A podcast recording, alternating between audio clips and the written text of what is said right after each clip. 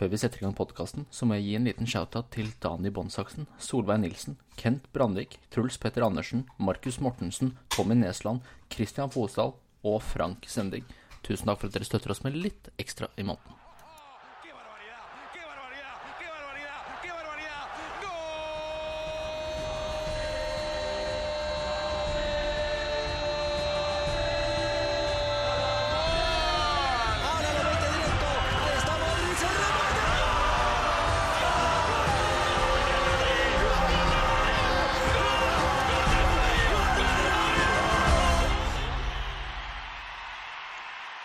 Velkommen til en ny episode av La Vista Madridista.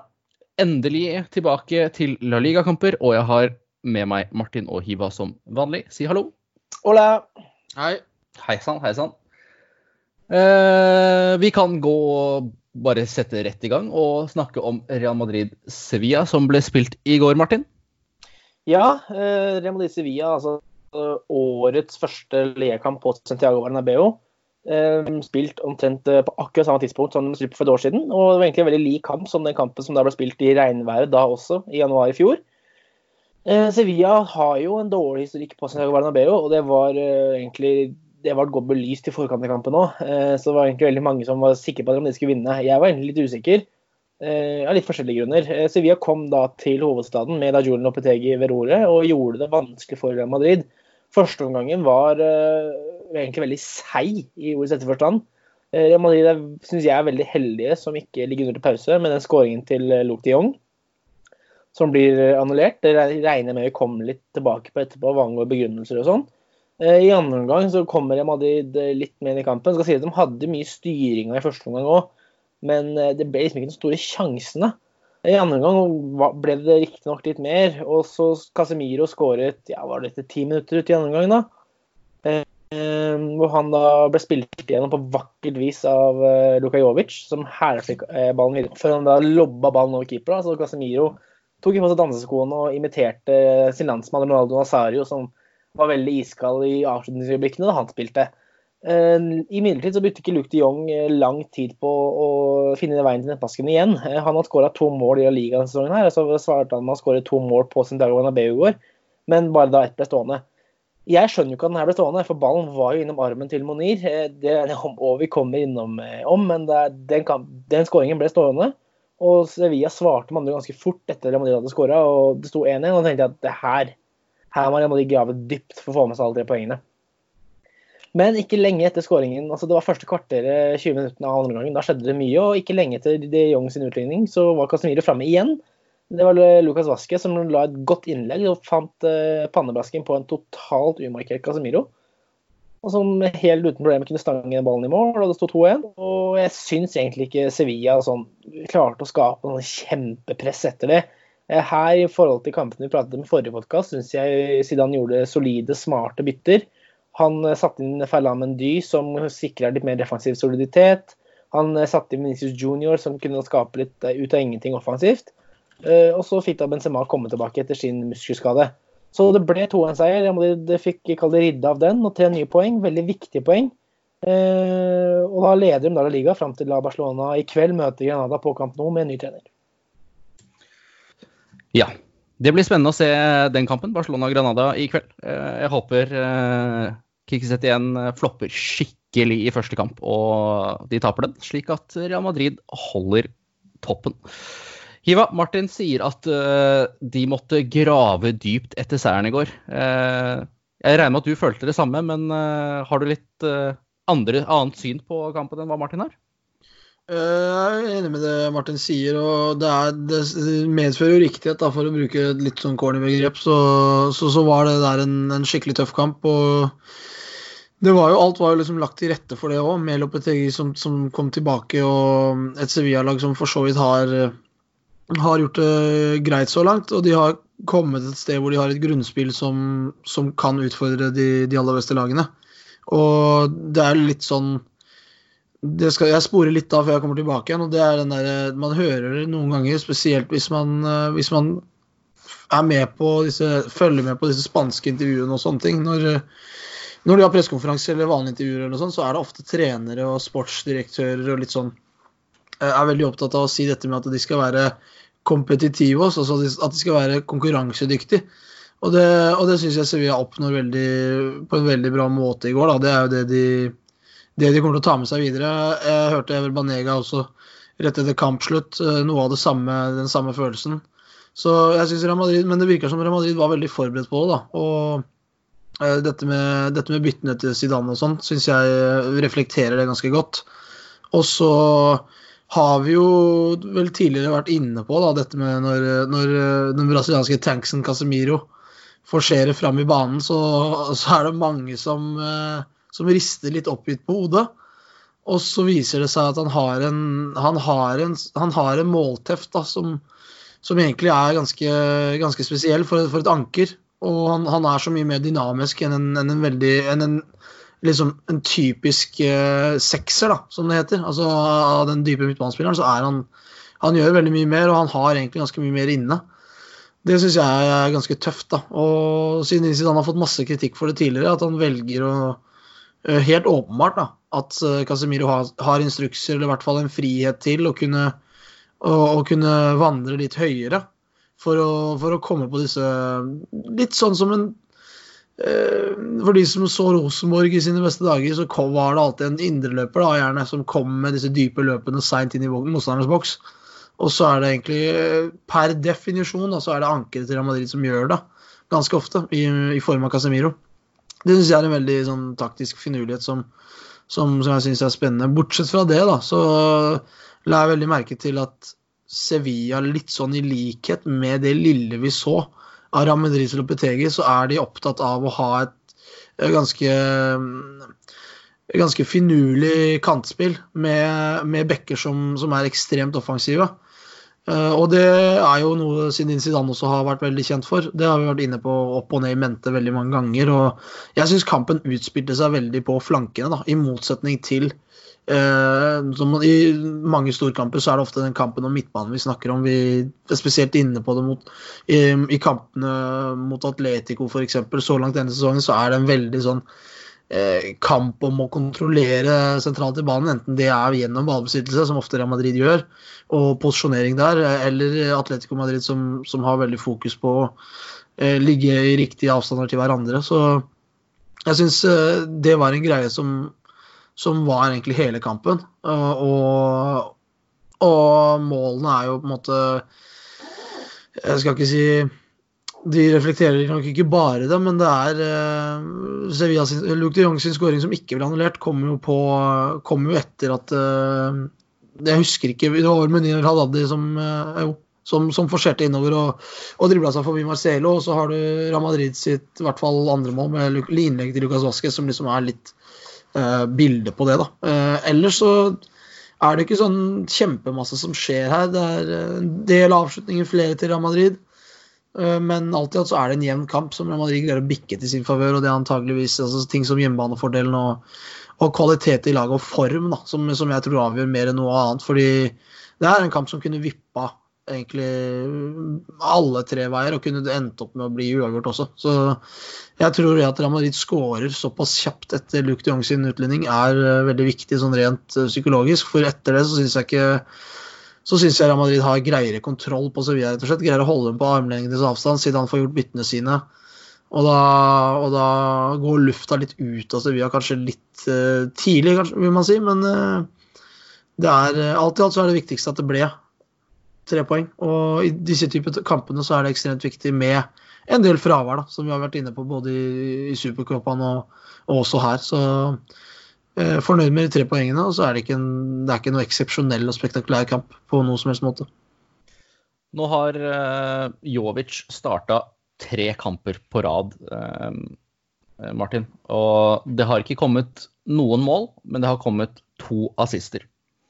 Uh, Bør Jovic fortsette å få slike starter som han har gjort nå, for å komme seg inn i det?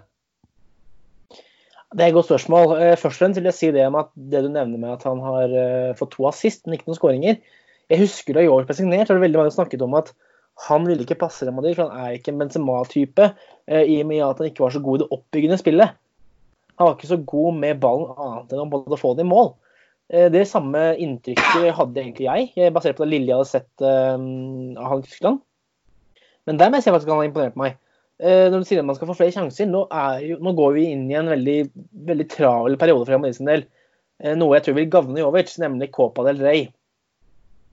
Eh, Jeg vil anta her nå at det blir Benzema i ligaen, og så blir det Jovic i Copa del Rey. Kanskje litt sånn, ikke kanskje ikke tospann, men med litt av Mariano. Kommer litt an på kanskje hvem man møter og kampbilde og, og lignende. Men altså, det er som jeg pratet om i forrige podkast, at for Jovic sin del så er det det å komme i gang. Han må, han må få selvtilliten opp. Han må få, få bare få skåra litt. Og så kom For en spiss så har det så mye å si. Uh, og dere kan si, uten at jeg vet noe om det her nå, men tre skåringer mot et lag fra to divisjoner ned, det kan gjøre underverker hva angår selvtillit for Jovic. Uten at jeg vet, uten at jeg vet det. Men eh, jeg håper at han nå får sjansen eh, i hver Copa del Rey-kamp. At han egentlig, litt som at man ofte har cupkeeper, at han blir cupspissen. Og så håper jeg at det gjør at han kommer seg inn i rytmen igjen. Og så håper jeg da å se det i de litt større, litt eh, i, gåsete, gåsetegn, viktigere kantene i La Liga, og kanskje det var også Champions League. Nå eh, tenkte jeg vi skulle ta en Det, altså, det har gått ca. et halvt år siden sesongen starta, Um, og snart et år siden Zidane kom tilbake. Eh, siden Mallorca-kampen, hvor eh, Real Madrid røyk på, på 1-0-tap, så har Real Madrid gått 17 kamper uten tap. Og i tillegg til det så er det sluppet inn åtte mål på de 17 kampene. Åtte mål på 17 kamper. Det er ganske imponerende. Det blir ikke skåret like mye, men det trenger vi ikke å ta noe, ta noe hensyn til. Men er det, er det den taktiske Zidane som har styrt laget i riktig retning, styrt det mer defensive, eh, eller er det sånn som man snakket om eh, før, den legenden Zidane som har fått litt mer ut av spillerne, Hiva? Eh, I utgangspunktet så må jeg si begge deler, men det er i ulik grad. For jeg er helt overbevist om at det er det første som, som gjelder mest her. Og hvis vi husker tilbake til siden, sin Zidanes forrige periode som Real Madrid-trener, så det, var det veldig populært å kritisere franskmannen for de taktiske ferdighetene hans. Og at han ikke var på, på et samme nivå som, som andre trenere, da, akkurat på det elementet. Og så har det seg sånn at i en klubb som Real Madrid, som relativt sett og over lengre perioder har uh, stort sett de beste spillerne i verden, i likhet med en, et, et knippe og et eksklusivt uh, En eksklusiv gjeng da, av andre klubber i Europa som har denne på en måte evige Pga. den statusen de har som, penge, eh, som klubb, og foruten det at de, de er økonomisk sterke, så så, så liksom, har Real Madrid en appell som gjør at de vil alltid ha et, et ganske bra nivå av spillere, u, u, uavhengig av eh, hvordan det går. Husker tilbake til de periodene hvor Madrid gikk altså Før eh, La Decima, da, før Mourinho, så var det jo seks år på rad uten, uten avansement i åttendelsfinalen i Champions League. Men så var det jo, så gikk man så på spillematerialet, så var det liksom Det var Raoul og van Nistelrooy og Robben og Schneider altså Det var stjernespillere over hele fjøla. Så, og sånn vil det alltid være. Det elementet er der, og det gjør at råmaterialet til Zidane er, et, eh, er en mye mye høyere kvalitet enn en lekmann, ikke sant? enn en hvilken som helst annen trener. Det er én ting, og det er noe han er nødt til å ta hensyn til, både på godt og vondt. Det syns jeg han har en helt uh, fenomenal egenskap til å gjøre, og det har han på en måte hatt og vist hele veien. Så det er et element der. og Man er jo nødt til å si at det, i, på slutten av forrige sesong så var det jo ikke så mange gode tegn, eller tegn som skulle vise at Real Madrid skulle bli kjempesolide bakover. Spør du meg. Altså, jeg satt og nititta og prøvde alt jeg hørte, og jeg gikk og så på sosiale medier og andre nettsteder og andre folk som, som driver med litt av samme greia. Og det, er, det var på en måte konsensus, da. At det det er ikke, det er ikke, her ser vi ikke noe, på en måte. Og så kom det der begredelige tapet i, i førsesongen mot uh, Atletico Madrid, og så begynner jo varsellampene, da. Eller det er i hvert fall noen varsellamper som begynner å gå av. Folk begynner å bli litt sånn, og så må f.eks. oss, da, som, er, som kom ut der og måtte liksom minne fans på at uh, det, er, det er fortsatt litt grann Vi er fortsatt nødt til å vente og, og vurdere Zidane på det arbeidet han gjør denne sesongen. Så kommer tapet mot Paris Saint-Germain, som gir litt av de samme følelsene. Folk eh, blir jo litt nervøse og bekymra for det. Og så har han etter det, og spesielt etter den Marga-kampen, som, som, på en måte er den taktiske blunderen jeg ser det, sånn jeg ser det, som Zidane har hatt da, eh, i denne sesongen her. PSG-kampen er Kan man argumentere for at også er det, Og fra et sånt strategisk perspektiv, trenerteam og, og tilnærming osv. Men den, den, sånn, sånn jeg ser det, så er det mer en kamp hvor PSG rett og slett er, eh, er bedre på elementære ting. Og de, de er i en bedre, kan du si, uh, uh, tilstand til å, til å på en måte spille den kampen enn det Real Madrid var. Og, og det var på en måte uten Ramos, Militao var, ble hivd uti der osv. osv. Dette har vi snakket om. Men den, den jobben han gjør etterpå, da, og den på en måte, det fokuset han greier å opprettholde, og på en måte skjære gjennom all den negativiteten som naturlig og dessverre ulmer opp hver eneste gang Real Madrid nesten taper en kamp. og det er på en måte, det, det er for, Der er, ligger forventningene. Så det, det kan han ikke endre på. det er en for, Jeg syns det, da, at det er forbilledlig måten Zidane håndterer akkurat den biten opp mot hva han, hva han ønsker å gjøre på treningsfeltet, hva han ønsker å få ut av det laget. Og jeg tror også at i den perioden hvor han ikke var Real Madrid-trener, så det behovet veldig sterkt på, og kjente på det veldig sterkt. At det, nå har vi mista en målskårer i Cristiano Ronaldo som skårer kanskje eh, 40 mål i en sesong, da, eller minst, og ikke mer, om ikke mer, sånn på alle plattformene. Og det, det er nødt til å gjøres opp med. Og så finner man ut at Karim Benzema er egentlig den målskåreren som, som har tatt litt over der. Han skårer ikke like mye, men han er den som skårer betydelig flere enn nummer to og nummer tre.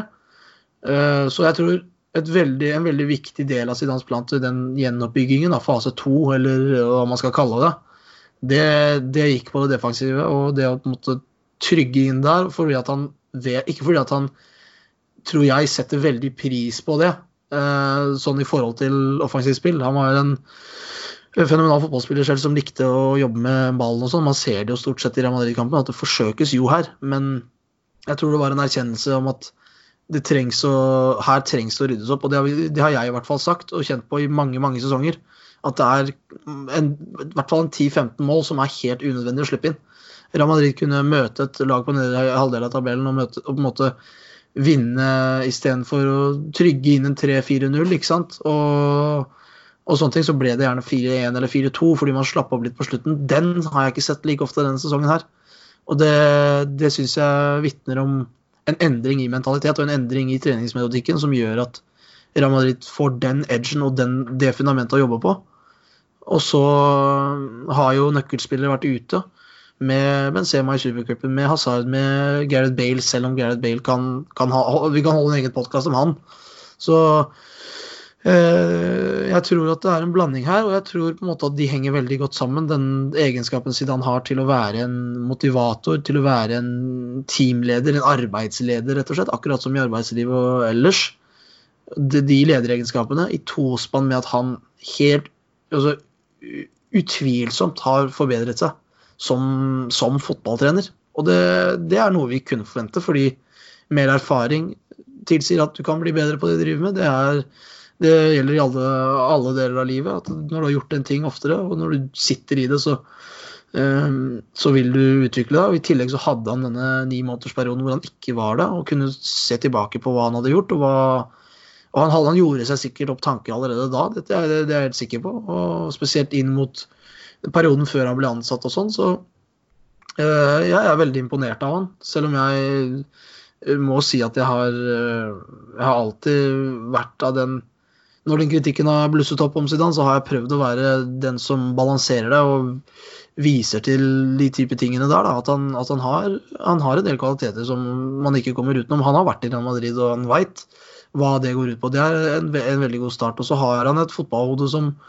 som man kunne se allerede som spiller, at han, har, eh, han kan tenke litt uh, uortodoks også på ting, og gjøre ting ikke så vanlig. Altså den, bare det, den tilnærmingen han hadde i Supercopa, med å pakke midtbanen med fem sentrale midtbanespillere, det er, uh, det er noe som, som jeg tror mange ikke hadde sett for seg Zidane kunne plukke opp, da, eller ta, ta ut av den taktiske verktøykassa si, men det, men det gjorde han. og det og du ser det som sagt i de store kampene. Det var jeg inne på da vi snakket om Supercopa nå. At eh, i de store kampene så, er, så virker Zidane veldig veldig godt forberedt. Og, veldig, eh, og treffer veldig ofte på, på det han ønsker å få til.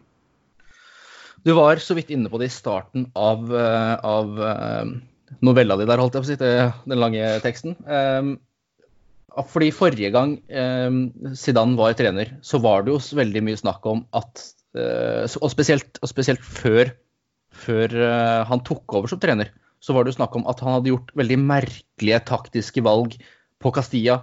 Han stilte jo stort sett med samme oppstilling og samme formasjon i alle kamper i løpet av den treårsperioden hvor han spilte, spilte, spilte Real Madrid inn til tre Champions League-titler. Og det ser du bl.a. i de to finalene hvor lagoppstillinga er helt identisk. Eh, Martin, hva har endret seg siden den gang? Hvorfor, hvorfor er det nå plutselig snakk om Zidane sin taktiske evne istedenfor Zidane som person? For det, det er veldig mange som sier at herregud, det her er jo helt genialt taktisk tenk av Zidane. Det hadde man aldri sagt for uh, i den treårsperioden. Helt, helt enig. Jeg syns det er et veldig veldig godt, men også veldig veldig vanskelig spørsmål eh, å svare på. Eh, jeg mener jeg så her nå for ikke så veldig lenge siden Zidane som fikk et spørsmål nettopp om det her, om hvordan han ville sammenligne ja, Zidane eh, volum 2 mot Zidane volum 1. Altså variant 1 og variant 2. Han som leder Madrid til tre strake Champions League-titler. Han som må komme tilbake og på, redningsoppdrag. Eh, og da gikk inn på et synkende skip og reparerte både skrog og alt som var, og nå flyter det godt, og nå begynner det å få fart igjen. Eh, og han sa det at han var ikke i tvil om at han er en bedre trener nå enn var, eh, enn den som var og leder Madrid til så mange Champions League-titler, da. Det var ikke han i tvil om. Men hva som Altså, jeg tror det er sånn når han da tok over Real Madrid i januar 2016 Han hadde aldri vært fotballtrener på det nivået. Aldri. Og da er jo enhver minste ting nytt. Altså, man kan ikke sammenligne på noen som helst måte det her med å leve etter Real Madrid Castilla som det er tidenes gjennomtrekk hva angår spillere, hvor de ikke får noen kontinuitet. Eh, og du spiller i en divisjon hvor du nesten snittet snittet av på laget er 22, og så møter du kanskje eh, eks-fotball eks-fotballproffer som skal dra ut det siste av beina sine, og som eh, henger etter og kakker ned på hæler og ankler, det som er. Altså, det er noe helt, helt annet. Så jeg er veldig sikker på at Zidane har lært helt vanvittig mye eh, av feilene han selv har gjort. Husker bl.a. Uh, første sesongen hans, da, hvor de tapte 2-0 borte mot Wolfsburg i kvartfinalen av Champions League. Og så var det egentlig da var, følte jeg ikke det var noe spesielt siden han gjorde det. da. Var det med Cristiano Ronaldo som var helt vanvittig i returkampen og redda en nytt hat trick. Mens nå er det liksom Nå er det, som du sier, Kim, og som Hiva var veldig godt inne på, nå er det liksom taktiske beslutninger som sitter sånn der Dæven, det er smart. Eh, jeg har ikke noe veldig veldig godt svar på, på hva, som, hva det er, annet enn at jeg er veldig sikker på at han har lært mye. Han har tenkt mye og studert mye fotball, spesielt den pausen han hadde fra, ja, fra Real Madrid-jobben. Eh, den kampen mot, som vi inne på, mot Mallorca, det var jo Jeg leste noe som mente i går, det var en sånn såkalt blessing in disguise. Og da husker jeg at jeg reagerte liksom, når det var en startelver hvor det var, var det Casemiro, Isco og Hames, og så var det tre var det, var det Rodrigo, Venicius, Benzema Det var et eller annet sånn helt sånn sinnssykt. Altså Det var sånn du setter opp på Fifa når du ikke har noe å tape og driter i hvor mye du skal slippe inn, bare skal skåre masse mål. Eh, og så var det rett etter en landslagspause, hvor Real Madrid også ofte har slitt litt. Og det gikk jo rett og slett til helvete. Men etter det, så, som vi har pratet om nå, så har det, det har vært et helt annet fokus, en helt annen innstilling, et helt annet Real Madrid. Som man har sett i kamper. Eh, men eh, dessverre ikke, vi har ikke noe godt svar på hva han har endret seg på, eller hva som har skjedd. Men jeg er veldig veldig sikker på at han har lært helt ekstremt mye de siste jeg si fem årene. da. Eh, Både av kampene fra Real Madrid, men jeg er også veldig sikker på at han har tatt veldig mye fra trenere som Pep Guardiola, kanskje til og med Ernesto Valverde, som i sin tid også var en veldig veldig pragmatisk trener, eh, i tillegg til f.eks. Mauricio Poch- Pochettino. Eh, Men noe sånn håndfast svar på det har han gjort, og det han endra på, det, det har jeg ikke, altså, dessverre. Nei, jeg har bare lyst til å Ja. Uh, jeg har bare lyst til å skyte inn et par ting som, som jeg kom, på en måte kom på nå når Martin hadde sin. og Det, det ene jeg ønsker å ta opp litt, er jo Jeg syns Real Madrid virker mye mer taktisk drilla. Det virker som at de jobber mye mer på feltet med små ting. Små taktiske grep i spillet. F.eks. organisere et press bare ved et innkast. ikke sant? Det er veldig populært og det er veldig naturlig for et lag å gjøre. fordi når ballen skal kastes inn i spill, så er det en grei måte, en måte å komprimere banen og stenge av de pasningsmulighetene som er for innkasttakeren. da. Det er sånne ting som jeg syns Real Madrid virker mye mer drilla på, rett og slett. For kritikken, og jeg sier jo ikke at skal ikke banalisere den heller, i Zidanes forrige periode, da var det mange sånne ting som kom opp at de, det virker som at sånne vanlige måte, ting ikke er eh, Det er ikke på treningsmenyen uh, i Real Madrid. Og, det, og nå syns jeg det virker som at det er det. Man ser det på, på, spesielt på defensive ting, at han har gjort grep der. Og det er der han i hovedsak har, har satt inn støtet. Uh, og det er på en måte Hvis du spør hvilken som helst trener, så sier jo de at det er liksom det letteste å gjøre. Å organisere et, et defensiv, en defensiv struktur. Men han har gjort det på så forskjellige måter i så forskjellige eh, kamper som, som, gjør, som liksom imponerer meg. Det er ikke det at Real Madrid gjør det på én bestemt måte. Eh, det, spillerne og, og, på en måte laget som helhet virker veldig komfortable med å ta disse ulike tilnærmingene. Ikke at de er uh, veldig forskjellige, men at de, det er små endringer. da. Og, og det vitner på om et, om et, bra arbeid som gjøres på feltet, og også en spillergruppe som tåler det, og som takler det. Og, og ikke bare være i ett spor. da. Så det er en styrke av Madrid, da, for de blir mer uforutsigbare. En annen ting som jeg for så vidt var litt inne på også, det er at eh, jeg føler at narrativen har endret seg. Fra Zidane Zidane motivator til Zinedine Zidane som faktisk vurderes som en fotballtrener. Det, jeg føler ikke at han fikk den hva skal jeg si, gleden da, i hans forrige periode. Han var bare en glorifisert eh, peptalk-fyr. Og, og, så var det mange av Madrid-fans som prøvde på en måte Nei, han, han, er mer enn det, og han er Zidane og, og, bla, bla, bla. Men stort sett så var narrativen og liksom hele fortellingen var at uh, Zidane er Han klapp, i hendene-trener, ikke sant. Vi har jo alle sett de memesa nesten uh, over, over, det, men det er ikke noe å kimse av. Det er jo det, det, det, er noe som han mestrer veldig veldig godt, og det er noe som han aldri kommer til å måte, miste. Uh, fordi han har den auraen og den tilstedeværelsen som person, bare. Så, og så tror jeg det er veldig til hjelp for spillerne at de har en trener som uh, gjør de enkle tinga riktig. Altså, det er veldig sjelden du ser Zinedine Zidane være skape støy i media, skape, skape bråk, krangle med spillere, komme med kontroversielle uttalelser. Han har ingen av de tingene der. Og det gir også en ro til, til spillergruppa, tror jeg, til å faktisk jobbe og, og holde på med det de, det de, skal og burde. Så hvis man tenker på Mourinho da, som, mot, mot, som, en motpol, så var det jo ofte sånn at Og det er jo for så vidt fortsatt sånn at når det går dårlig med hans lag, så er det på en måte da, da er det jo fram med alle mulige slags uh, Jeg liker Jeg kommer til å kalle det grunnskyldninger, for det er det jeg mener det er.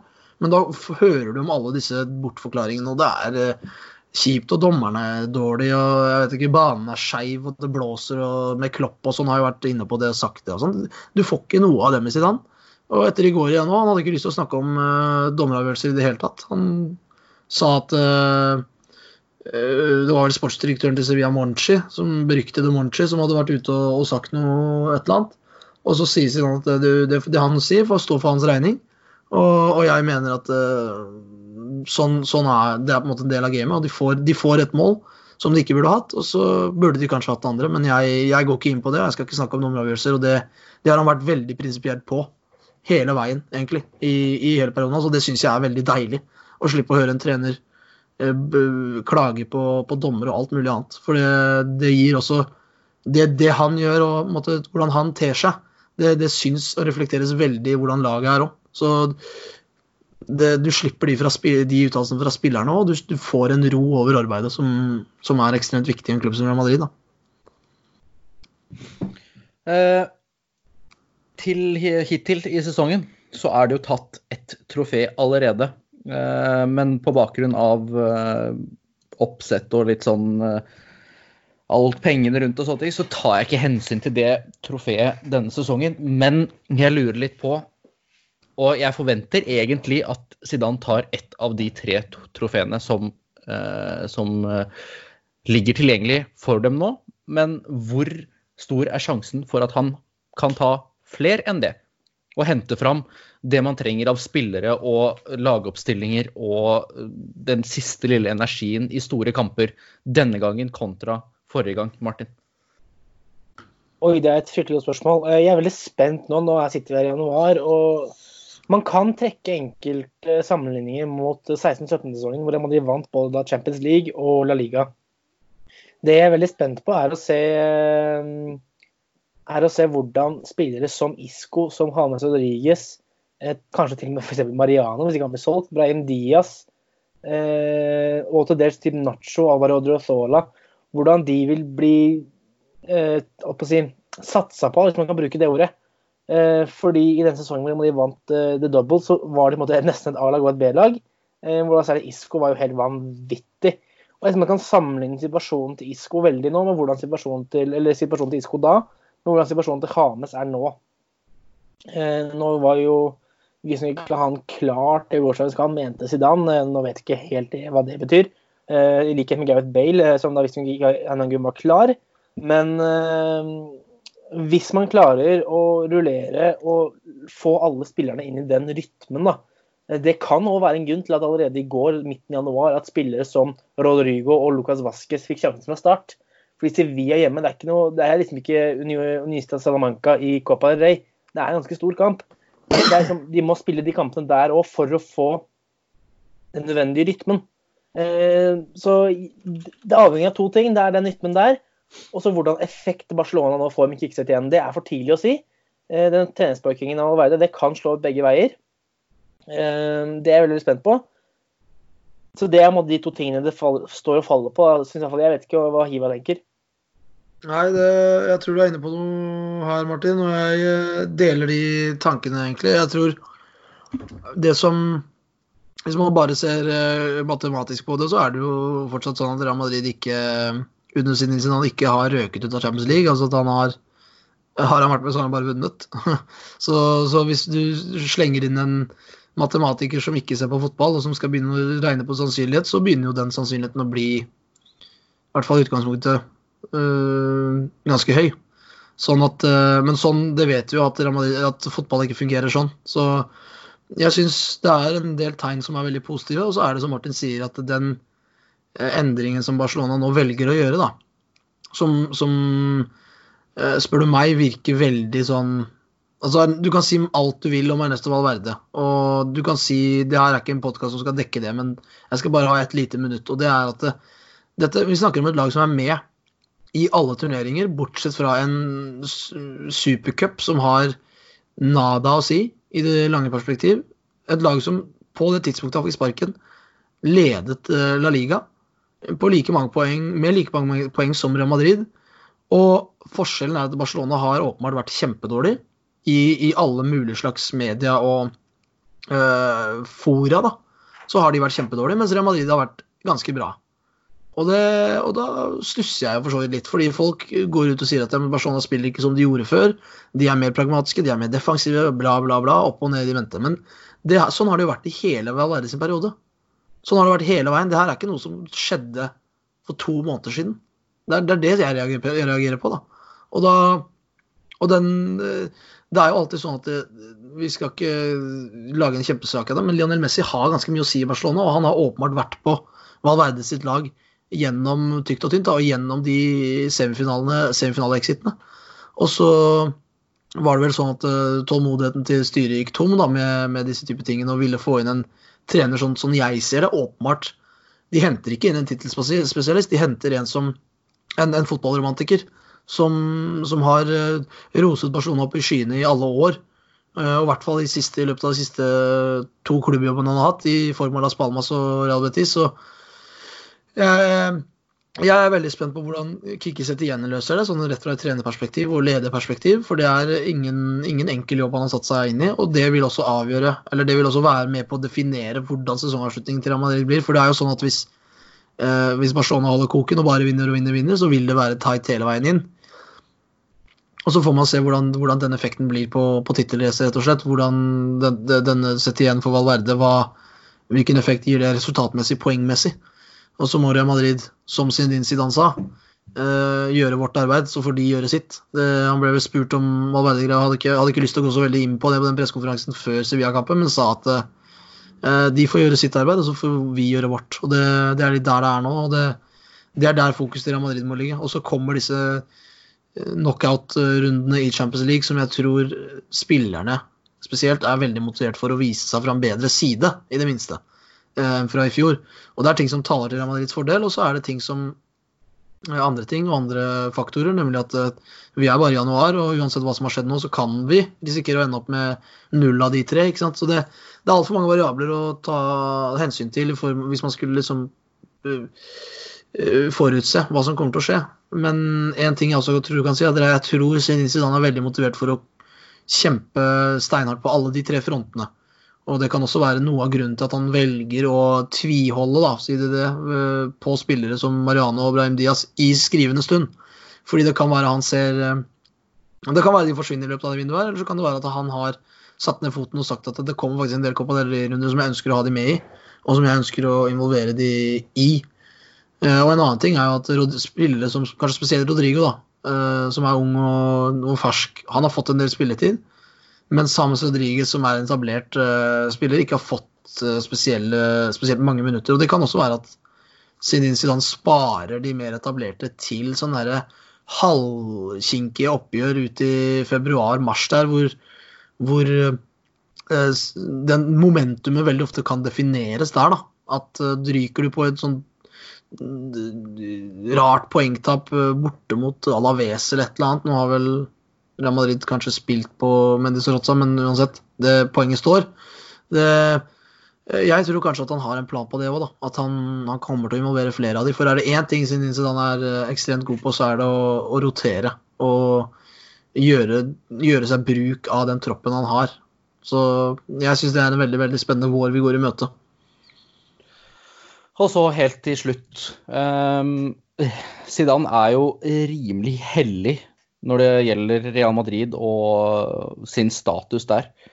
Er det noen eh, her som ser for seg at Zidane kan bli en eh, type Ferguson for Real Madrid? Altså sitte over eh, lengre år enn hva som er normalen i denne store klubben? Jeg tror ikke det.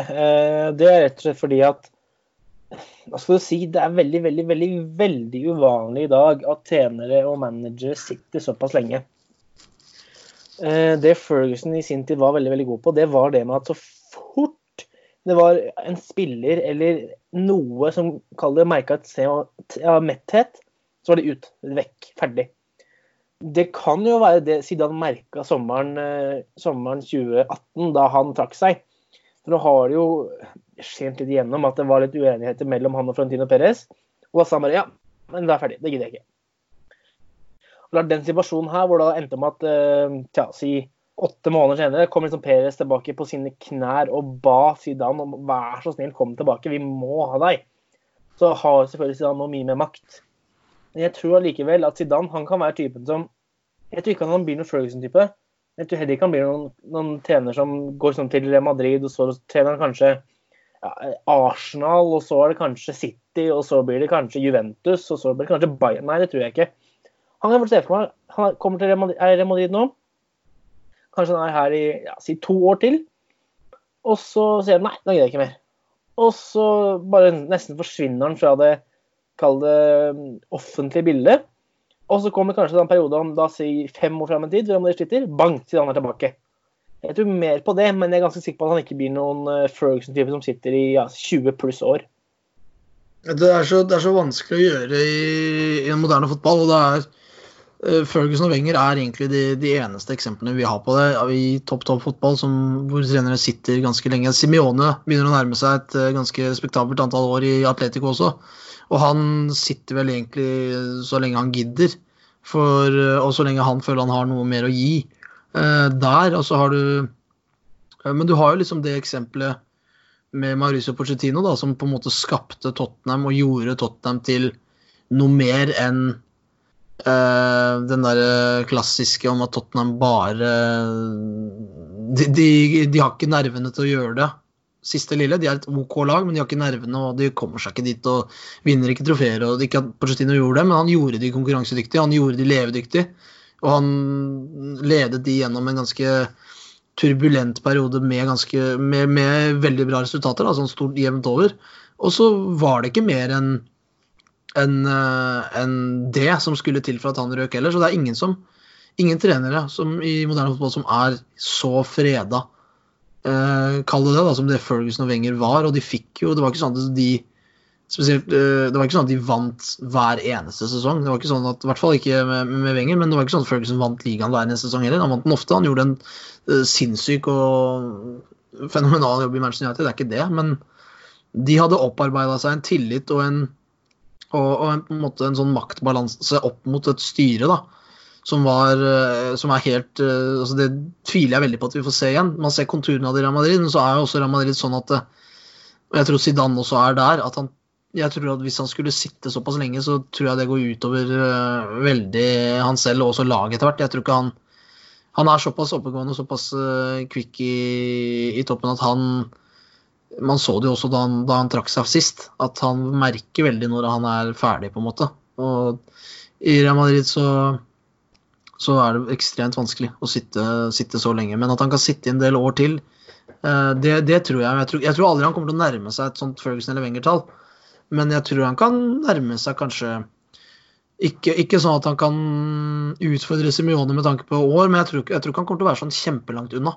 Hvis tingene går som de vil, og hvis han får større og større makt, og hvis han får definere det, og hvis han er motivert, og hvis han har et lag han tror han kan fortsette å berike, da. Så det tror jeg. Og jeg, er enig med Martin at jeg tror ikke Zidane er den typen som tar en rundtur gjennom Europa bare for å øh, Jeg vet ikke. Øh, dra til PSG og sånn. Jeg jeg ser, liksom ikke det for meg. Uh, det jeg tror er mer sannsynlig, at han, jeg er sikker på at han på et eller annet tidspunkt kommer til å trene det franske landslaget. Og det kommer litt an på når, uh, ja, hvordan det går i Real Madrid, tror jeg. Men det er en jobb jeg tror han ser etter. Og så tror jeg han, han kan finne på å avslutte trenerkarrieren sin i Marseille, som er favorittklubben hans, og som han ikke spilte for som, som spiller. Og at han muligens, hvis tilbudet er godt nok, kan dra til Juventus. Og det som er fellesnevneren her, bortsett fra Marseille, som er favorittklubben hans, det er at det er, laget han har, vært involvert i og kjenner godt. Jeg tror det er liksom en Det må være en, en ganske viktig faktor for Zidane. Han tar ikke hva som helst, og han er, han er, han er ekstremt eksklusiv i klubbvalgene sine, tror jeg, da. Og det, det gjenstår jo bare å se, men det er inntrykket jeg sitter med, i hvert fall. Da har vi gått litt gjennom eh, Zidane. Jeg hadde egentlig tenkt å gjøre det her forrige gang, men da var det ønske om eh, å snakke litt mer om Jovic. Ehm, det ble jo selvfølgelig, ble selvfølgelig litt Jovic-prat nå i dag, og det er ett lyttespørsmål eh, om Jovic. Men jeg håper, håper dere der ute satt pris på en liten gjennomgang av Zidane nå, da og fremtid og fortid. Vi går som sagt videre til lyttespørsmål, og da har Sem Ismail skrevet Det er vel ikke nødvendigvis et spørsmål, men han skrevet Synes Jovic spiller bra som dyp spiss. Viser seg par ganger så langt denne sesongen, men han må bare bli bedre for å ha mål. Er dere enig i at han har på Moss på, Du snakka litt om det, Martin, men Hiva, er du enig i at han på en måte viser seg godt uh, som dypspiss, som litt mer uh, også litt tilrettelegger? Ja, det syns jeg, synes jeg han har, uh, har, gjort, og det syns jeg er bra. Men jeg tror også det er han er nok ikke like si, kreativ som det Benzema er. Sånn jeg ser det, da. Han har ikke den Han er ikke helt Benzema på det, liksom. Hvis man skal, hvis man skal ta den, en mainstream formulering. Men det er klart at han, han kan jo spille fotball, denne, denne, denne, gutten. Og han har sikkert gjort en del, som Martin sa, da, at det var mange som bare betegna han som en, som en, poacher, som det heter. Altså han bare skal være i boksen og, og, banke det inn. Men det er jo det vi ikke har sett så mye av. Så det er litt sånn som vi var inne på forrige gang, med spillestil kontra hans egen personlige stil utpå der. da. Men jeg tror, at, jeg tror at mye av det går på selvtillit, at vi ikke har fått sett han så ofte. Og så tror jeg også det er en, fortsatt en sånn periode, fortsatt en sånn greie hvor spillerne, de andre spillerne og Jovic føler litt på hverandre. For hvordan, hvordan skal vi gjøre det her på best mulig måte? Hvordan, hva liker du, liksom? Med Benzema så kommer han ned og kan drifte ut venstre, og vi bare gir han ballen hver gang han kommer dit. Fordi når han kommer dit, så er det på en måte et tegn på at jeg skal ha ballen. Og så har det noen, ved noen tilfeller for meg sånne småting sett ut som at nei, Jovic trekker ned kanskje for å skape et rom. da. Han skal egentlig ikke involveres, han trekker, trekker seg heller ned bare for å trekke med seg en stopper eller flytte litt på motstanderen, mer enn, mer enn at han skal få ball. Med Benzema så er det ganske ofte i hvert fall, sånn at han signaliserer at han skal involveres i spillet når han dropper. Og så får noen andre strekke, strekke laget, mens Jovic kan kanskje gjøre det, og så stikke fra igjen. Og er litt, kanskje enda mer hva skal jeg si, litt utålmodig i de bevegelsene der, da. Som, som jeg tror sånn, sånn jeg ser Jeg vet ikke hva Martin tenker om akkurat det, men ikke, jeg tror også at han er nødt til å få flere sjanser til å score, rett og slett. Han må få flere baller å jobbe med. Har du noe du siste du vil spytte inn på Jovic, Martin? Før vi går videre? Nei, jeg, jeg syns vi har dekket han veldig godt. Jeg vil bare ta fram det at jeg syns måten Casemiro Eh, kall det ga ære til Jovic for den målgivende pasningen Det er veldig veldig fint å se. Eh, det er jo, må du kalle det sånn mm, Det blir sagt, da. av spillerne på det nivået her. De, de leser ikke aviser, de bryr seg ikke om media, de bryr seg ingenting. Det er jo ganske tydelig her at Real Madrid-spillerne og troppen har fått med seg all kritikken mot Jovic. Um, og det å da se, se der hvordan Casemiro Det måtte peke sånn Se, det er han som gjorde det. Det er hans ære, den her. Det her er hans scoring, egentlig. Eh, Foran publikum, bare for å gjøre en sånn veldig hyggelig gest. Det, det gjør meg så varm om hjertet, for det viser at troppen må ta litt vare på han. da. Fordi jeg tror det er lett å undervurdere hvor vanskelig det er å komme til et helt nytt land, helt nytt by, helt nye lagkamerater. Eh, Du vet jo det koster over en halv milliard kroner. Forventes du skal gå inn og banke skåringer med én en eneste gang. Det, det er ikke lett. Eh, Men eh, nei, så jeg syns dette gjøres veldig godt, og nå er det bare å håpe at han kommer seg ordentlig i gang snart. Og som eh, jeg tror jeg nevnte i forrige podkast også eh, En keeper som har vist seg å være ekstremt viktig denne sesongen. Spilte helt begredelig forrige sesong. Eh, selvfølgelig kan ikke han kladres for alt, men det tar tid å komme seg inn i et nytt lag. Det er ikke alle som bare tar det fra første dag. Og jeg tipper, eh, som sagt, resten av denne sesongen og neste sesong så ser vi mye mer av Jovic som spiller. Carl Karl Arne og Jørn Simonsen Wang har stilt spørsmål om Lucas Vaskes, så vi tar begge i samme slengen. Vi starter med Karl Arne sitt. Snakk gjerne litt om Lukas sin rolle i forhold til høyrebacker. Kan det hende derfor han fikk spille over f.eks. Hames? Da tror jeg Karl Arne mener hvordan Lukas Vaskes samarbeider med Car Carvahall i forhold til hvordan Hames samarbeider med Carvahall. Hiba. Mm, ja, eh, det er et godt poeng, Karl Arne. Han er jo inne og leverer spørsmål stadig vekk. Det er kjempebra. Eh, jeg tror det er en faktor, da. Eh, men jeg vil ikke si at Zidane baserer spillevalget sitt på hvordan på en måte Jeg tror, jeg tror Hames og Carvahall også fungerer greit sammen, og ville gjort det. Eh, Men det jeg ønsker å trekke fram, er litt den Grunnen til at jeg tror, foruten at han skulle ha spilletid, så tror jeg Lucas Vasque spilte i går fordi Sergio Regilon har vært i bra form for Sevilla i år, og han er en back som, som ikke stopper, på en måte. Han, han gjør den greia si i 90 minutter og kommer og kommer og kommer og fortsetter på disse løpene og er fandenivoldsk og driter i det og har den derre Alle har hatt han derre ene som de spiller fotball med, enten har vært på Løkka eller på et lag eller noe som bare øh, som er, Det er konstant overtenning hele tida, da. Og det kan være både på godt og vondt, men med i Regulans tilfelle så tenker jeg på liksom i spillet.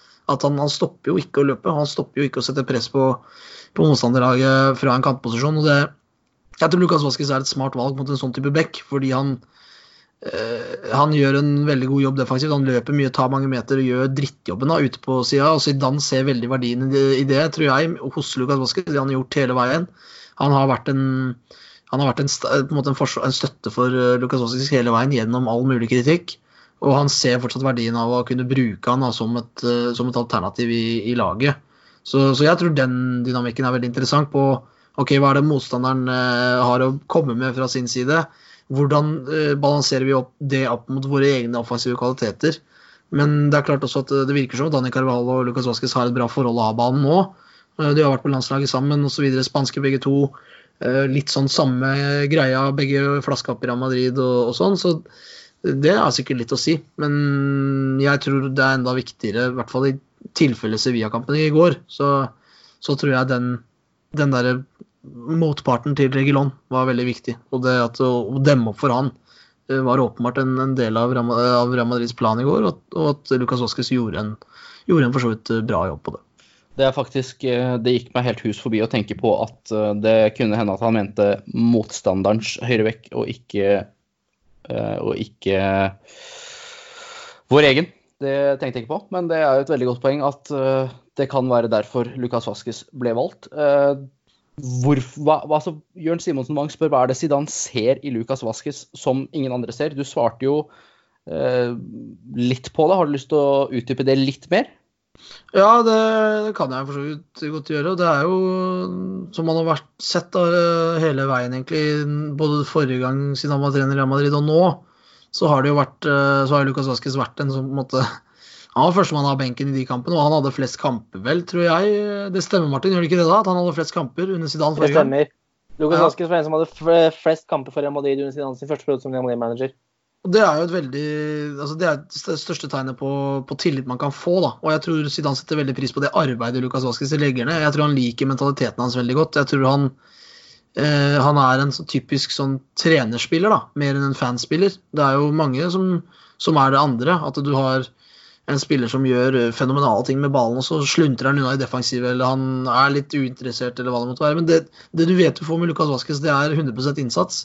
Det er eh, pålitelighet i, i det defensive spillet, og så er det og så er han jo selvfølgelig ikke, ikke på et like høyt nivå som de andre offensive spillerne til Real Madrid. da. Han har ikke det, det største repertoaret, men jeg tror Zidane som sagt setter veldig pris på eh, mentaliteten og arbeidsinnsatsen og liksom det han legger ned for laget. Eh, og det han kan gi i tøffe kamper eller i en, i en sånn type kamp som det her, da, hvor du hvor som sagt jeg tror den som en motpart til Regilon er, er et greit taktisk våpen å, å kunne ta i bruk. Og det, i den kampen der, i går så går det kanskje utover det offensive spillet litt, det vil jeg påstå. Men Real Madrid slipper unna med det fordi de har en brasiliansk tank som plutselig hadde tatt på seg hadde kjørt sånn Mission Impossible og tatt på seg masken til, eh, til, Ronaldo, til Ronaldo der. Så det, men jeg tror det er det. altså. Jeg tror Zidane liker han veldig godt som person. Jeg tror han liker han veldig godt som, som spiller og de verdiene han står for. Og ofte så er, så er det nok. Og selv om han ikke er den mest spektakulære spilleren, så er han en Real Madrid-gutt. Og han er eh, innforstått med hva det er. Han, vet, han er veldig klar over rollen sin. Eh, det er ikke noe, noe surmuling når han sitter på benken eller når han er utelatt fra en tropp. Så det er verdier som jeg tror en hvilken som helst trener ville sette pris på. Og i hvert fall sin Zidane i dette tilfellet. Jeg vet ikke hva du tenker på det rundt det, Martin?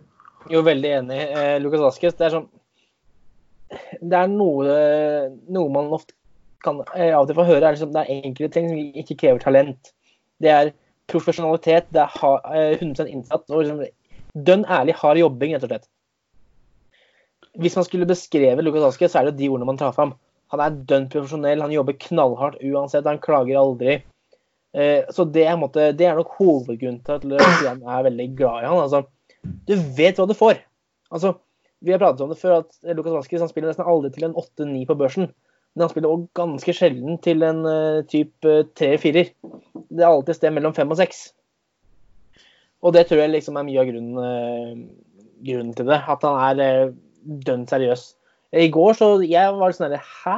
Lucas Vasques? Hvorfor det? Uh, med liksom Venezia Junior, Brian Diaz på benken og sånn. Og da tenkte jeg, for at, som sagt, Lucas Vasques var ekstremt populær under Zidane sin første periode. Og det var egentlig en av tingene jeg var frykta mest da han skulle komme tilbake, var om de akkurat samme spillerne skulle få like mye tillit, og de ikke skulle klare å variere det. Men sånn som i Supercopa-finalen, så var ikke Lugansk i truppen engang. Og da var han rett og slett vraka, for han var frisk. Men det er som vi har vært inne på nå, jeg tror det var for å dekke opp, dekke opp for Sergio Regilon, som har vært fantastisk god for Sevilla denne sesongen her. eh, Og som er rett og slett eh, et helvete å forsvare seg mot på sin side. Han kommer i 100, og um, han kommer alltid på overlappen. Det er vond å møte, og han, han slår gode innlegg nå òg. Så jeg tror det kun var for det, av den grunnen. Jeg tenkte spesielt over første omgang i går, men da Rodrigo på én side og Lucas Askes på den annen side. Det med at Rodrigo han gikk liksom ofte inn, og så prøver han på den to-tre finte, og så går, går, går, det kanskje, så går det kanskje ikke. Lucas Askes er liksom det alltid går innover, og så er det en støttepasning. Det er litt sånn kjipt, men det er litt det man får. Så nei, eh, man får dønn, dønn ærlig hardt arbeid. Han, eh, han, legger ikke igjen noen ting annet på banen enn et hardt arbeid.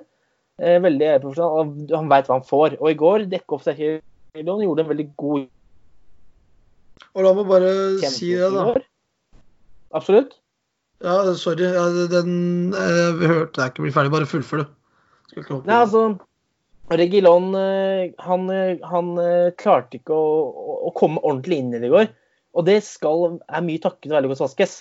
Det er vanskelig å se sånn defensivt arbeid, men det gjorde Lucas godt i går. og Det er litt kjipt å se på. Jeg, og alle vet at jeg ikke er største fan av han, men absolutt at han, han gjorde en ganske så OK kamp i går.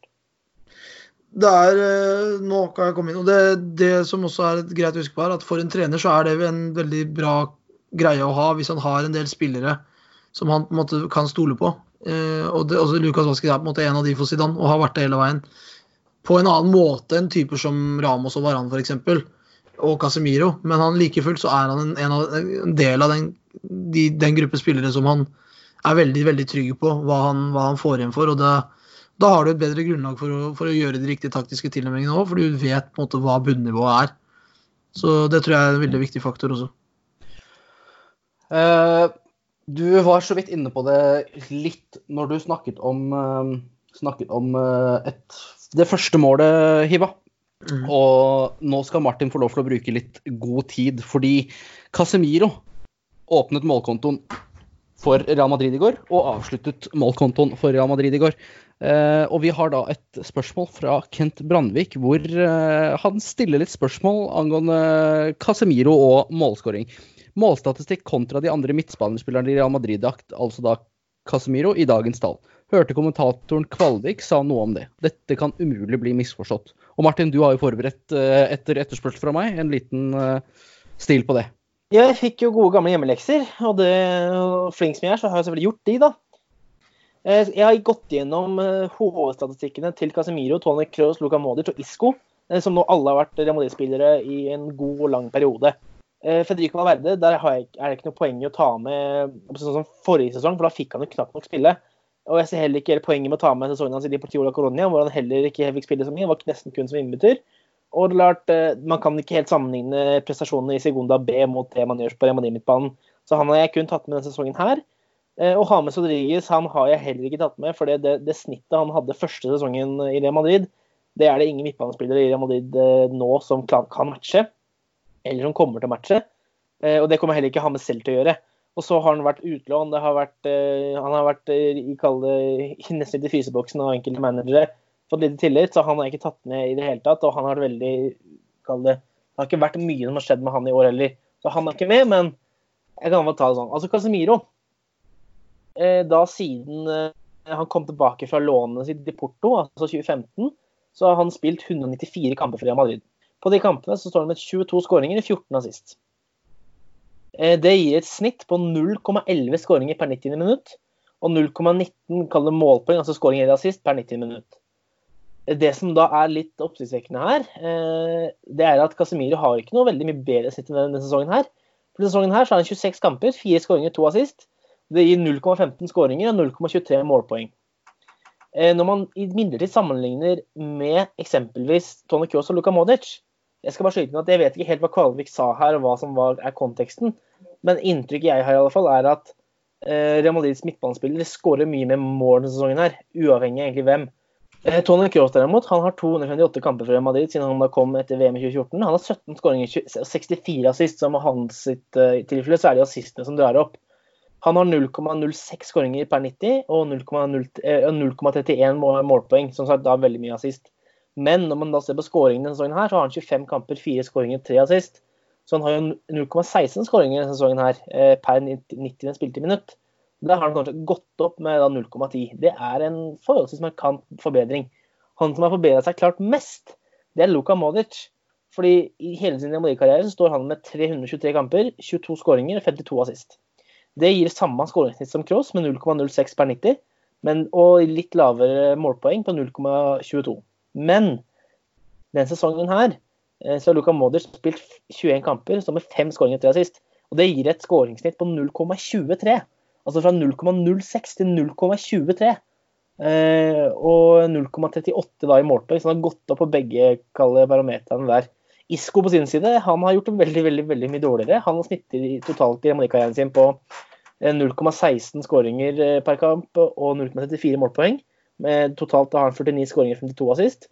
Men sesongen her så har han 16 kamper, og han har kun én skåring og null assist. Så han, har, han setter på 0,06 eh, målpoeng og skåringer per 90. spilte minutt. Så Federico Valverde denne sesongen her, 21 kamper, to skåringer, tre assist. Han snitter på 0,09, det er heller ikke noe spesielt. Og 0,23 i målpoeng, det er også helt OK. Så det blir mye tall og statistikk rundt det her. Eh, det man kan eh, sammenligne med, er midtbanetema. De, de skårer mye flere mål denne sesongen her, enn spesielt det de gjorde forrige sesong. Da var det nesten ingenting. Eh, Casemiro han, han er, skårer liksom litt sånn jevnt og trutt og har fortsatt det snittet her da ørlitt bedre enn hva han har ligget på gjennom hele karrieren sin. Tony er- og på samme måten, han skårer litt mer og spiller litt færre assist. Men den som da gjør det klart best, er Luka Modic, som har eh, tatt et skikkelig byks hva angår både skåringer og målpoeng per 90. Så spørs det om, det klarer, om de klarer å opprettholde det her gjennom hele sesongen, men eh, det er en måte den samla statistikkaka eh, den sier da det her, at midtbanen til Madrid skårer mye mer mål enn det de gjorde forrige sesong. Og du har jo nå sett de siste kampene med Varan, at da Forsvaret skårer en, en del mål. Det er uh, deilig å se den endringen i laget, og det er nettopp derfor jeg tror at, eh, at eh, mye pent kan skje i løpet av den siste halvdelen av sesongen, og man skal ikke se bort ifra om man ender opp med ett trofé eller to. Minimum ett, tenker jeg. Forventer jeg. Da kan vi ta steget videre til det du trives med så godt, eh, Martin, og det er Panenka. Riktig. Først skal jeg kanskje ta ukas fun fact. Det er helt Eh, riktig. Beklager. Ukens fun fact er helt fint. Eh, vi begynner da, altså, som sagt, Remo de Sevilla. Det var ikke sånne kjempemye statistikksnacks fra denne kampen her. Eh, det kan nevnes at Casemiro skåra to mål, og det har han aldri gjort før. Verken på landslaget eller Real Madrid. Så det var første gang, men den syns jeg var litt kjip. Men det vi har vært inne på, med at det er mer enn bare angrepet som bidrar med skåringer for Real Madrid nå. Ingen av de siste syv skåringene til Real Madrid har vært skåret av spisser. Det bekrefter jo det vi har pratet om, at Jovic ikke har funnet veien til nettet. de har vært skada, i tillegg til både Eden Hazard og Gareth Bale. Men eh, de siste syv skåringene til Real Madrid, så er det to skåringer av Luka Modric. Noen vil si én skåring til hverandre og et, et selvmål av eh, David Soria. Og noen vil si to skåringer til hverandre. Det får man krangle om. Én skåring av Tony Cross, én skåring av Isco. Og da eh, Det her var da før Casemiro skåra sitt andre, så nå er det også to skåringer av Luka Modic og de siste åtte skåringene. Det er en ganske oppsiktsvekkende statistikk, spesielt med tanke på det var vel i fjor vi snakket veldig veldig mye om at Madrid ikke får noe hjelp av ja, både midtbane og forsvar i, når det kom til skåringer. At det kun var Benzema. Men uh, her ser vi at det har blitt markant bedre. Alle, alle var vel eh, enige om at eh, Eller alle snakka jo veldig mye om at eh, den og den og den og den midtbanespilleren er ferdig, Real Madrid må selges osv. Og, så og så ser man det som har kommet i år. Men da kan du gå videre Ah! til Panenka. Da er det duket for Panenka. Og da vil jeg aller først skyte inn en liten Kall det en liten shout-out. Vi har børsta støv av en gammel artikkelserie som heter Ukens medlem. Mm. Og den nye artikkelen for denne uka her kom i dag, dag søndag, og det er Fredrik Øvreng. Og det er altså han som fikk Panenkaen sin som gikk inn etter gårsdagens kamp. Han meldte og det her synes jeg er interessant, han meldte at det kommer til å bli over 70 000 tilskuere på Santiago Bernabeu.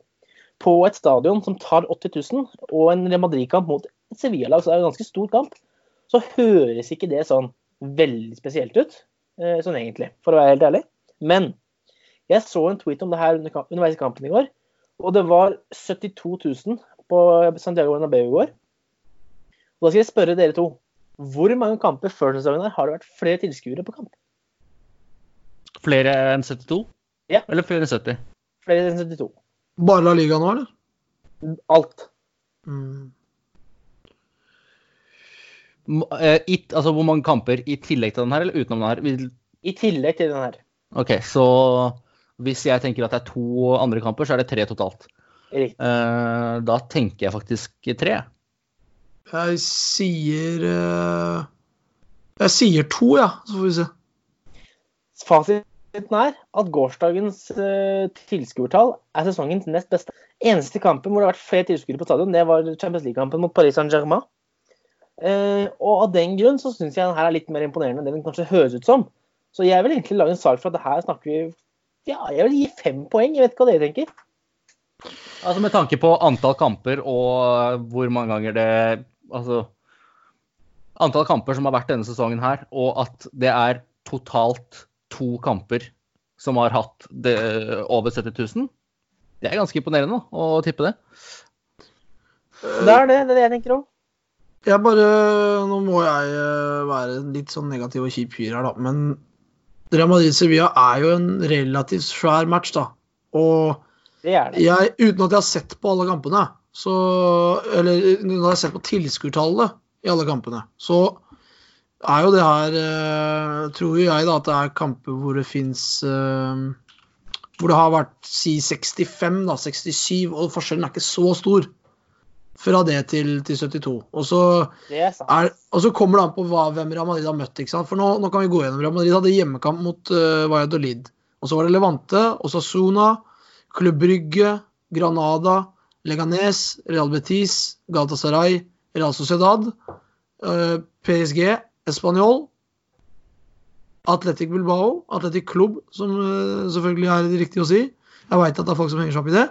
Eh, og nå Sevilla. Så av de kampene der, da, gutta, hvor mange av de kampene er det som potensielt er 70 000 plusskamper? For meg så er jo det Du ser jo den. Jeg har statistikken foran meg her nå. Og eh, som sagt, gårsdagens kamp mot Sevilla det er sesongens nest beste. Det var 71 000. eh, Eller det offisielle, offisielle tallet er 72 500.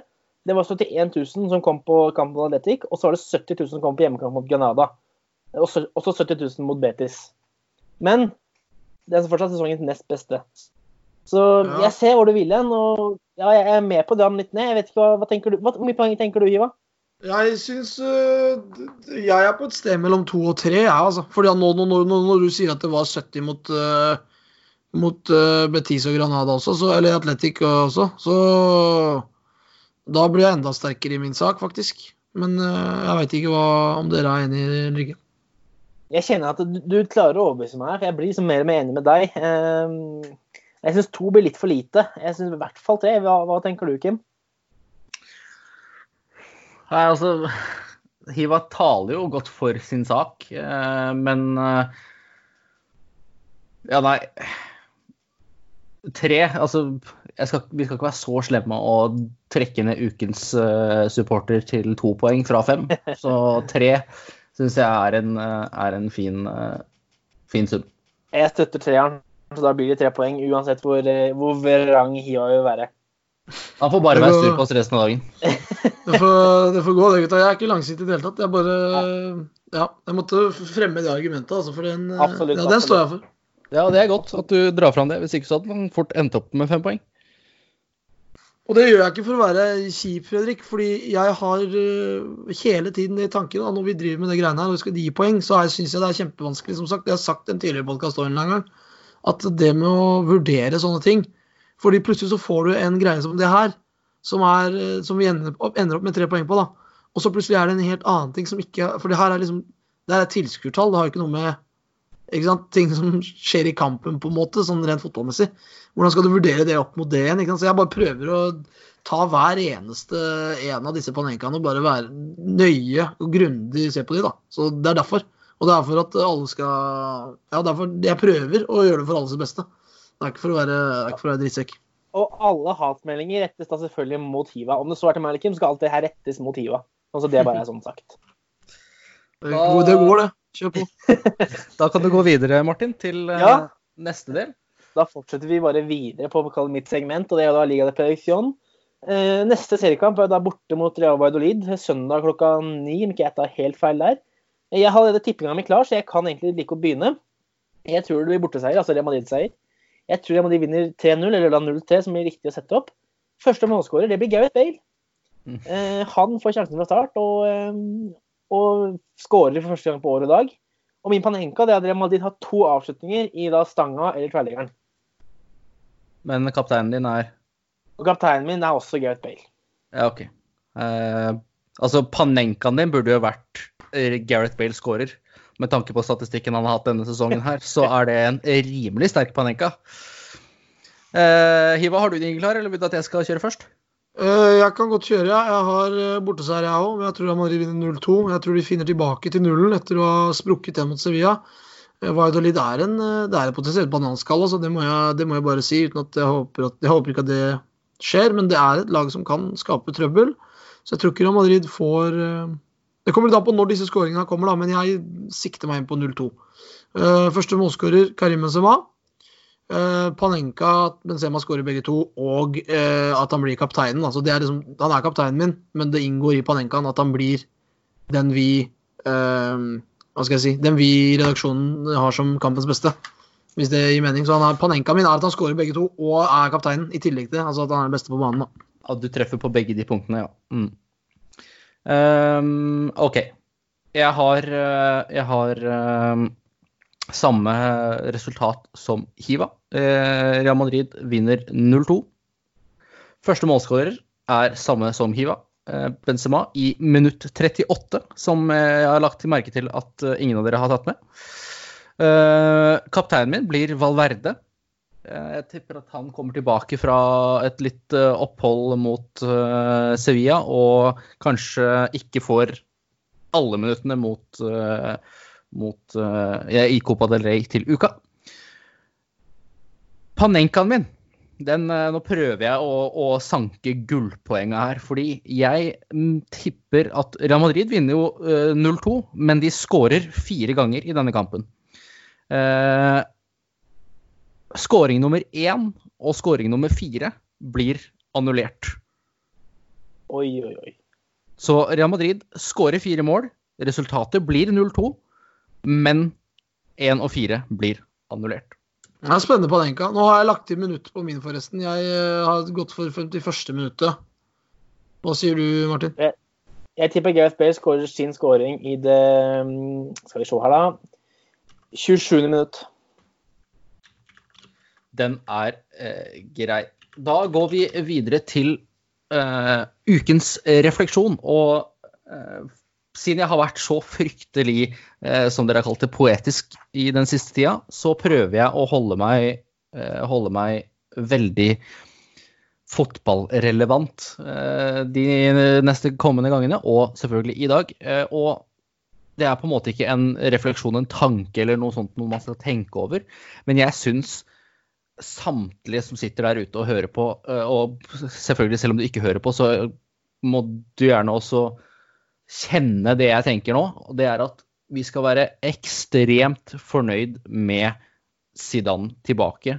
Med tanke på både resultater og hvordan han har endret innstillinga til laget fra å være et vaklende, synkende skip i forrige sesong til å være et av de best defensive lagene, tør jeg å si, Europa denne, denne sesongen. Og det Det skåres kanskje ikke mye mål, men la oss i hvert fall over en lengre periode ta alt steg for steg.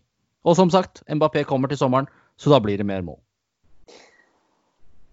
Lurer inn den igjen, altså. Det er det, det, det, Du kan ikke gå tilbake nå og si at du får snakka deg, for nå har du sagt det så mange ganger at eh, Ja, og så ligger jo den derre gulroten der, da. Du har, du har jo bydd opp til dans der òg. Det syns jeg er eh, Det kan potensielt bli en dyr eh, overgang for både meg og Real Madrid. Ja da, men det Hva skal jeg si? Det, man, må, man må betale for kvalitet, så. Det, Jeg tjener på det i lengden. Ja, men da er det min tur, da. Og min er også fotballrelatert. Jeg har egentlig bare lyst til å gå litt tilbake til det vi var inne på, da. Og jeg syns det er veldig, eh, veldig imponerende å se Zinedine Zidane eh, gå fra den derre Hvordan på en måte han har utviklet seg som trener, da, og hvor trygg han virker å være på metodene sine og på eh, tankegangen sin, da, og hvor, hvor godt den passer til Real Madrid. Det er en ting som vi ikke må stikke under en stol, at det virker som jeg tror at Hvis man hadde gått inn i et laboratorium da, og prøvd å skape en trener som skulle være perfekt for Real Madrid, så tror jeg vi hadde, vi hadde fått en annen som eh, Vi hadde fått en trener med akkurat samme kvalitetene som Zidane, og så hadde det skjedd noe rør i, i, den, i den laben, så han hadde fått hår istedenfor å være skalla. Det, det, sånn tenker jeg.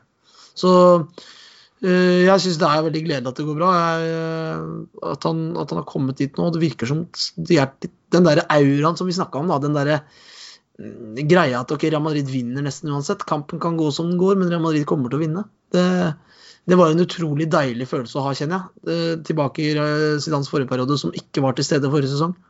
Og, og jeg føler at den er på vei til å bli gjenoppbygga, den der Real Madrid-mentaliteten. Og, og uh, Astar-finale Vamos Real og Nunca Serindo og sånn, Jeg aldri gi opp og, og det greiene der, det er eh, Det syns jeg er helt fenomenalt. Så kudos og hatten av til eh, den franske maestroen.